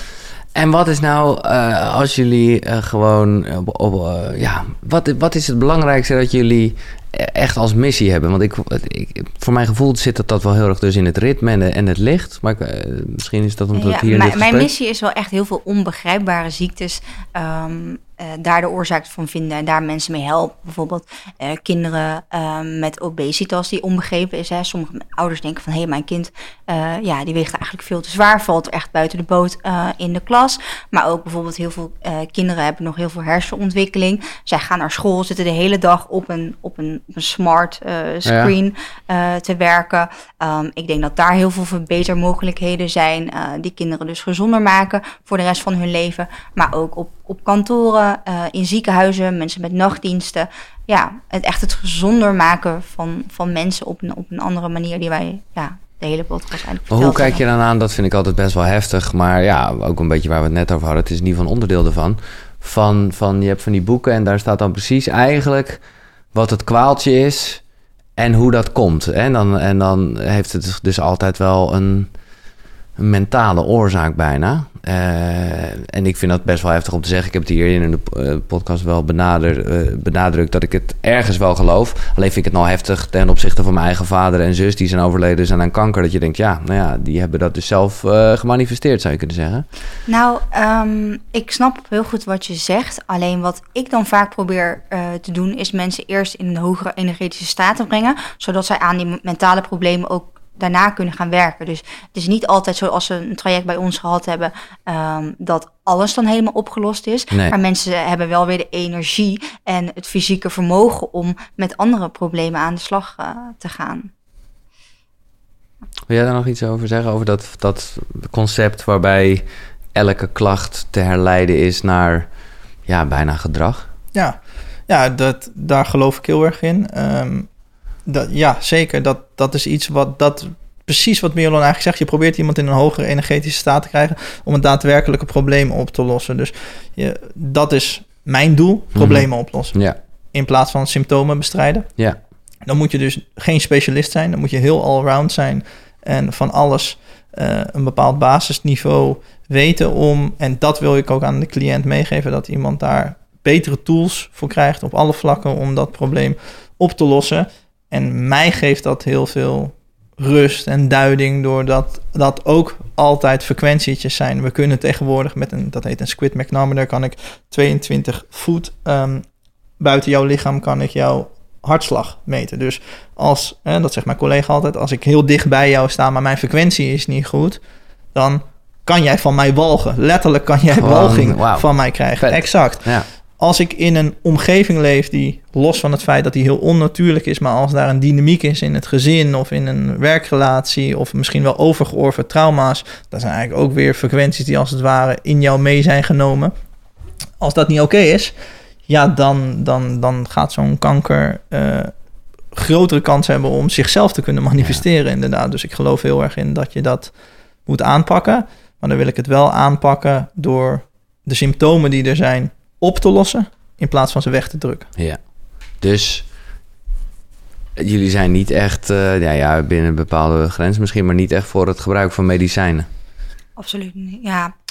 Um, bepaalde medicatie uh, natuurlijk wel, hè? want je hebt bepaalde uh, klachtenbeelden waar dat echt voor vereist is, zeker voor acute zaken.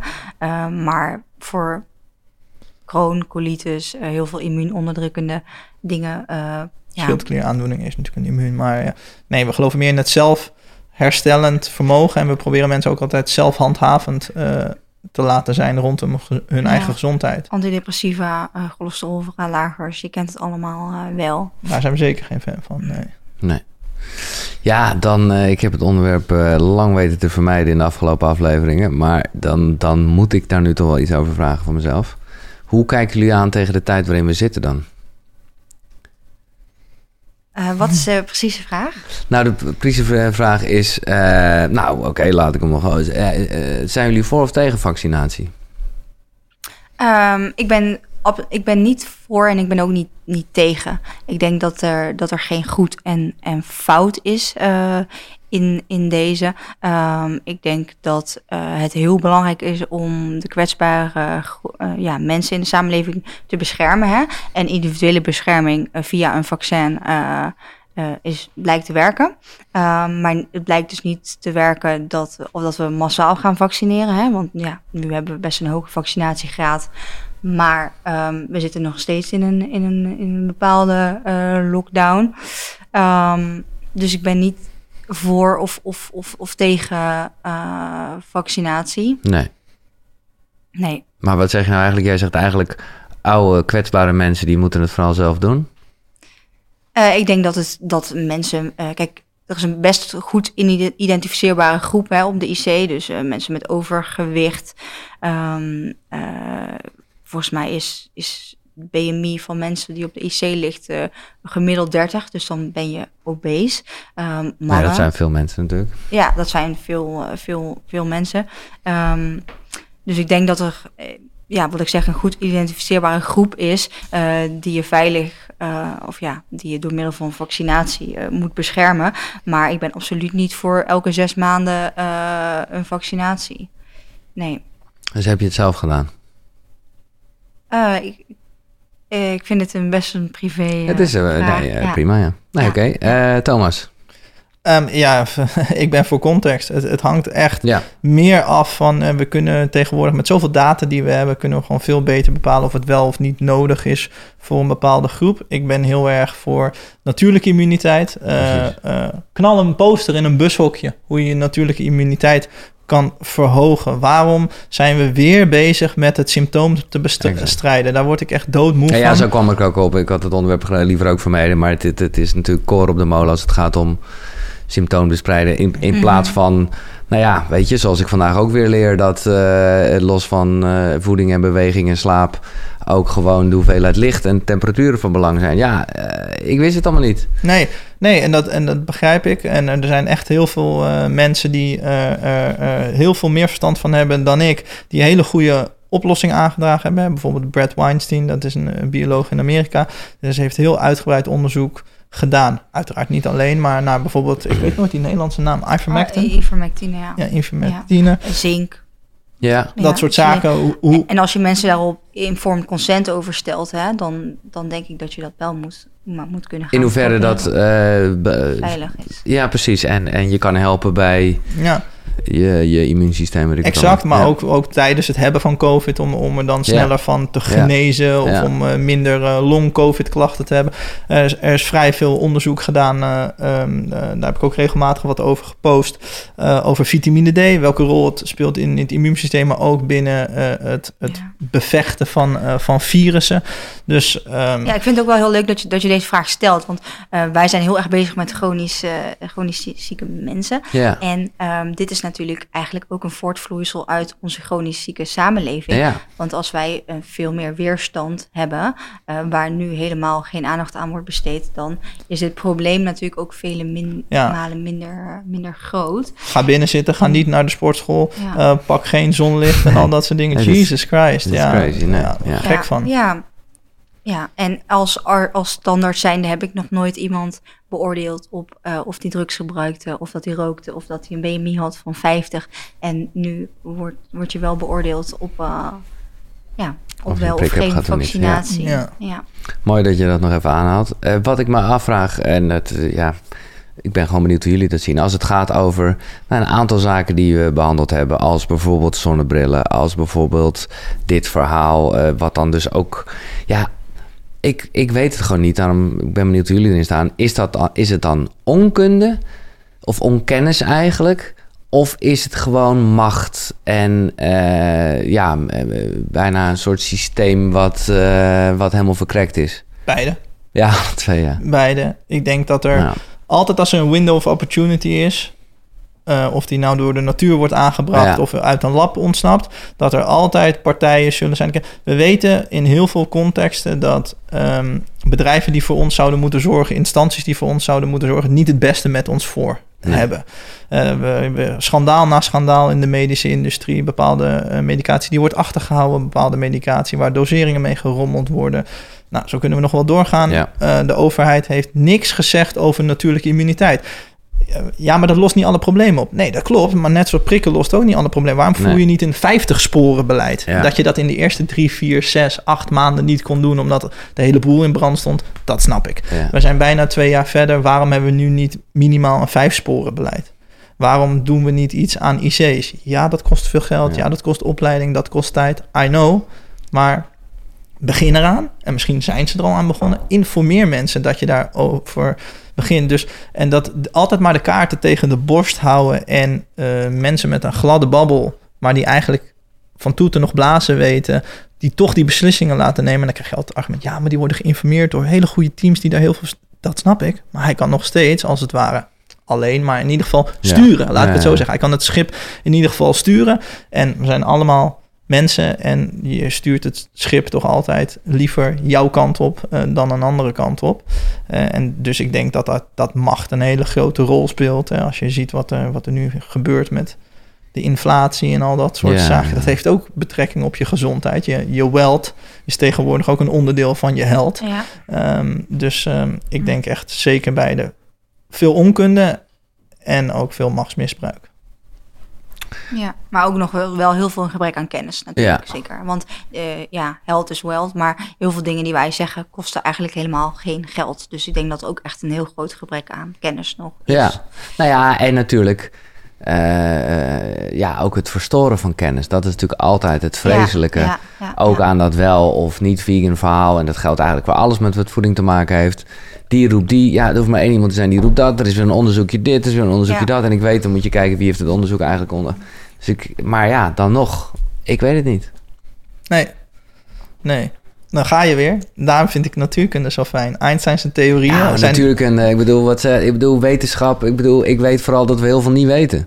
Uiteraard, tuurlijk. Maar er zijn een aantal dingen die we wel weten. Ja. We weten dat die pen naar beneden dondert als ja. we hem omhoog gooien, toch? Of niet? Ja. En we weten dat die zon er is, toch? Ja, maar we weten allemaal niet hoe het werkt. Mm, maar we weten een hoop meer dan je denkt. En we, we, ah, we weten vooral het meeste niet. Nee, we weten het meeste niet. Maar daar kan je nu niks mee nee, doen. Daar kan je niks mee doen. Dus je dus... moet roeien met de riemen die je hebt. Nee, maar die riemen zijn een hoop groter en een hoop breder en een ja. hoop langer onderzocht. Um, uh, al, als je praat ik over onderzoeken uit de jaren 1850. En die zijn ook niet allemaal perfect. Dan heel veel mensen denken. Ja. Jij wordt echt op pad gestuurd met zo'n uh, plastic uh, roerdingetje voor in je bakje koffie. Terwijl je best met een behoorlijke houten spatel best wel door het leven kan roeien. Mooi gezegd. ja. Uh, is er nog iets wat jullie zeker even, wat jullie van tevoren dachten, oh, dat onderwerp kunnen we even goed in, in, in het licht stellen, wat misschien niet ter sprake is gekomen? Nee, eigenlijk nee. niet. We wilden het echt gewoon vooral graag hebben over die rol van die biologische klok. Volgens mij is dat aardig ja. gelukt. Um, ja, volgens en, en dus eigenlijk zou ik hier de volgende keer uh, met deze bril op al moeten zitten. Ja. Ja. Zeker wel, die misschien lampen wat praktische achter advies is misschien leuk voor... Ja, ja, praktisch Ik weet niet precies, jij kent je luistergroep wat beter ja, dan, ja. Dan, dan wij. Dus uh, um... ja, ja, dat gaat alle kanten op. Dat is, dat is precies wat Koekroe is. Om, uh, nou ja, gewoon te leren wat je kan doen in het leven. Om het leuker en beter te maken. Mhm. Voor je, voor, ja, ja, optimale precies. zijn. Ja, ja, exact. Ja, optimale gezondheid nastreven, zodat Ja. je optimaal kan leven. Ja, right. Nou, we kunnen er altijd wel eentje geven. Daar, eh, ja, die ochtendlicht. Dat is het allerbelangrijkste. Ochtendlicht. Vind ik. Ja. Dus 's ochtends naar buiten. Ja, Van het moment dat de zon opkomt tot een uur daarna, moet je 20 minuten op. Dus die wake-up light, eh, dat is hem niet. Nee. Nee. Nee. nee. nee, gooi maar het raam uit. Ja, nee, oké. Ja. En dan op onbedekte ogen. Geen lenzen, geen bril, geen zonnebril. Oké. Ja. Ja. ja, dat is ook heel belangrijk. Zeker als je dus een bril eh, draagt. En nog op blote voeten? Of eh, dat hoor ik Liefst wel, Ja, ja. toch? Lekker eh, connected met de natuur. Ja. Ja, extra elektronen. Ja, dus de frequentie van de aarde die is ook dezelfde frequentie. Dus 7.83 hertz met daar nog 30 getallen achter de komma... waar je theta en alpha wave van je brein ook op werken. Je hebt ze speciaal als een van de weinige zoogdieren zweetklieren onder je voeten... om de elektronen van de aarde die daar komen van de zon... om die op te nemen. En zo produceren de mitochondriën dus gratis energie... hoef je niet voor te eten. Dus ja, doe alsjeblieft eh, de stekker in het stopcontact. maar dan de aarde en je voeten. Nee, want eigenlijk, eh, eh, eigenlijk zeggen jullie dus ook... hormonen zijn belangrijker dan calorieën. ja. Ja. Want als Ja, ik een zeker. calorie kapot knip, wat is het dan uiteindelijk? Dan zijn het toch gewoon elektronen, protonen en fotonen. Dat zal, dat, eh, dat zegt de natuurkundige hier. Ja, oké. Ja, en wat wordt er als ik zo... Ik pak een energiefabriekje uit een cel. En Ja. ik ga kijken, wat gebeurt daar? Wat wordt daar verplaatst om energie te maken? Elektronen, Ja. protonen en fotonen. Geen koolhydraten, geen vetten, geen eiwitten. Dat is je, je, je- ja, ik begrijp, dat is voor heel veel mensen heel belangrijk, maar dat is echt, dat is zeg maar het topje van de ijsberg. Nee, dat is zeker wel wat ik hierin meegenomen heb. Oké, eh, hoe eh, kijken jullie aan tegen de dood? Milan, hoe kijk je daar tegenaan? Ehm, ja, ik weet soms niet hoe, hoe jij vragen bedoelt. Wat bedoel je met hoe kijk je aan tegen de dood? Ben je er bang Als voor? Wat denk je dat er gebeurt? Ehm, nee, ik, ben er, ik ben daar helemaal niet, eh, eh, niet, niet bang voor. Ik geloof wel heel erg in dingen die moeten gebeuren zoals, eh, zoals ze gebeuren. Dus ik daar heb er absoluut helemaal geen angst voor. Maar, maar ik ben er ook ehm, weinig mee bezig. Ehm, ik heb er wel mijn beroep ook wel op, ehm, op uitgezocht, om, als ik het daar naartoe mag trekken. Bijvoorbeeld als ik echt een, een oncoloog was geweest of ja, of dan had je er meer mee te maken gehad. Ehm, ja, ik heb wel een bepaalde verantwoordelijkheid voor mijn patiënten. En dan zou ik, ik zou daar wel eh, ik, ja, bepaalde moeite met loslaten zelf. eh, van, van werk of bepaalde Mhm. andere dingen. Dus als ik eh, dat soort zwaardere dingen of meer verantwoordelijkheid zou hebben, ja, dan ben banger voor de dood van, van anderen, zeg maar, Ja, waar ik. invloed op heb, dan... eh, dan Nee, mensen kunnen doodsbang voor de tandarts zijn, maar de kans dat het gebeurt is wel heel klein inderdaad. ja, ja, dan gaat er echt iets helemaal, eh, helemaal niet goed. Nee. Ja, maar voor de rest eh, niet. Ehm, nee, misschien dat het later nog komt. Maar ja, nee, maar ik vind het mooi om te weten dat het in ieder geval ook niet is, en zo voelde ik het ook niet hoor, maar dat alles waar je nu mee bezig bent, dat dat vooral is om dat je bang bent om dood te gaan en zo oud mogelijk wil worden. Of, eh, Oh, nee, Nee. nee, eigenlijk helemaal, helemaal Nee, niet. Nee. nee. Ik wil gewoon graag zo gezond mogelijk Ja. zijn. Ja. En jij, eh, Thomas? Ik ben er op mijn manier veel mee bezig. Niet zozeer met de dood, maar ik ben wel bezig met langzaam doodgaan. Dat is ook een onderdeel wat voor mijn gezondheid is. Ik vind het leven hartstikke leuk. Ik heb elke dag hartstikke veel lol. Ja. Ehm, Maar als- langzaam doodgaan klinkt mij niet, ik weet niet hoe je het bedoelt, maar het klinkt Nou, als je, hoe, hoe gezonder je bent, hoe ouder je hoogstwaarschijnlijk Ja, wordt in goede zo. gezondheid met veel energie om leuke dingen te doen. Nee, oké, maar ja, ik denk dat als je gewoon eh, lekker veel rookt en eh, weet ik wel allemaal doet, dan ga je ook heel langzaam dood. Ja, ja. Ja, maar je bedoel bedoelt oud, je wil wel oud worden. Ja, ik Dat wil wel oud Ja, worden. ja, Ik heb het hartstikke naar mijn zin en ik wil graag energiek oud worden. Dus, Ja. ehm, Ja. En dat gun ik andere mensen ook. Ja. Eh, en wat denk je dat er gebeurt? Gewoon toch even meer het spirituele. En juist omdat je ook wel heel erg bezig bent met, met energie en dingen. Als je daarover een beetje dagdroomt of filosofeert, wat, wat, wat gebeurt er dan? Ja, heb ik eigenlijk nog nooit echt heel uitgebreid gedaan. Ja, ik geloof sowieso niet in dat eh, energie verloren kan gaan. Dus ja, eh, mijn Dus- ziel gaat ook ergens heen. Ehm, waar die heen gaat, ja, geen idee natuurlijk. Maar ik denk wel dat het een soort... Ik zie het leven ook als een soort terugreis naar... eh, je wordt als kind geboren, dan ben je, zoals mijn collega dat altijd zegt, verlicht. Ja. Je hebt nog weinig wikkels eromheen. Ja, en exact. ik ben mijn hele leven bezig met die wikkels eraf halen. Dat noemen we dan ontwikkeling, geloof ik. Ja. En, en als je, je dood eh, gaat, dan geloof ik er wel op de een of andere manier in... dat jouw frequentie dan nog net niet helemaal toppie is... waardoor je nog een keertje ergens terugkomt om te zeggen... Hé, hey, vriendelijke vriend, eh, je hebt een hoop wikkels eraf gehaald. Of een hoop ook helemaal niet. We gaan nog even door. Maar we gaan dat- nog even door. Trek die wikkels er nog eens af. Mooi. En hoe eh, willen jullie, of eigenlijk dan meer Your Health concept, ehm, herinnerd worden? Zo. Goeie. Ehm, ja, toch wel als een bedrijf wat veel eh, dingen die onder het perceptieniveau zitten... op een leuke manier naar de bovenkant hebben gebracht... zodat we daarmee eh, mensen konden helpen. Dus eh, echt wel als een bedrijf wat problemen oplost. Ja. ja, en je ziet ook wel... ehm, En in- voorkomt. Ja, dus is Dat zou nog toffer zijn. Ja, het voorkomen en dan het oplossen eh, van, van problemen of het, of het managen van, van gezondheidsproblemen. Ehm, en ook al, er zijn waarschijnlijk heel veel mensen die ons, die ons niet kennen, maar toch hebben we in de afgelopen jaren echt al heel veel mensen kunnen helpen en Ja. echt life-changing kunnen helpen. En dat is wel, ehm, ja, mensen die ons kerstkaarten sturen, ja, dat is gewoon heel, dat ja. blijft gewoon superleuk.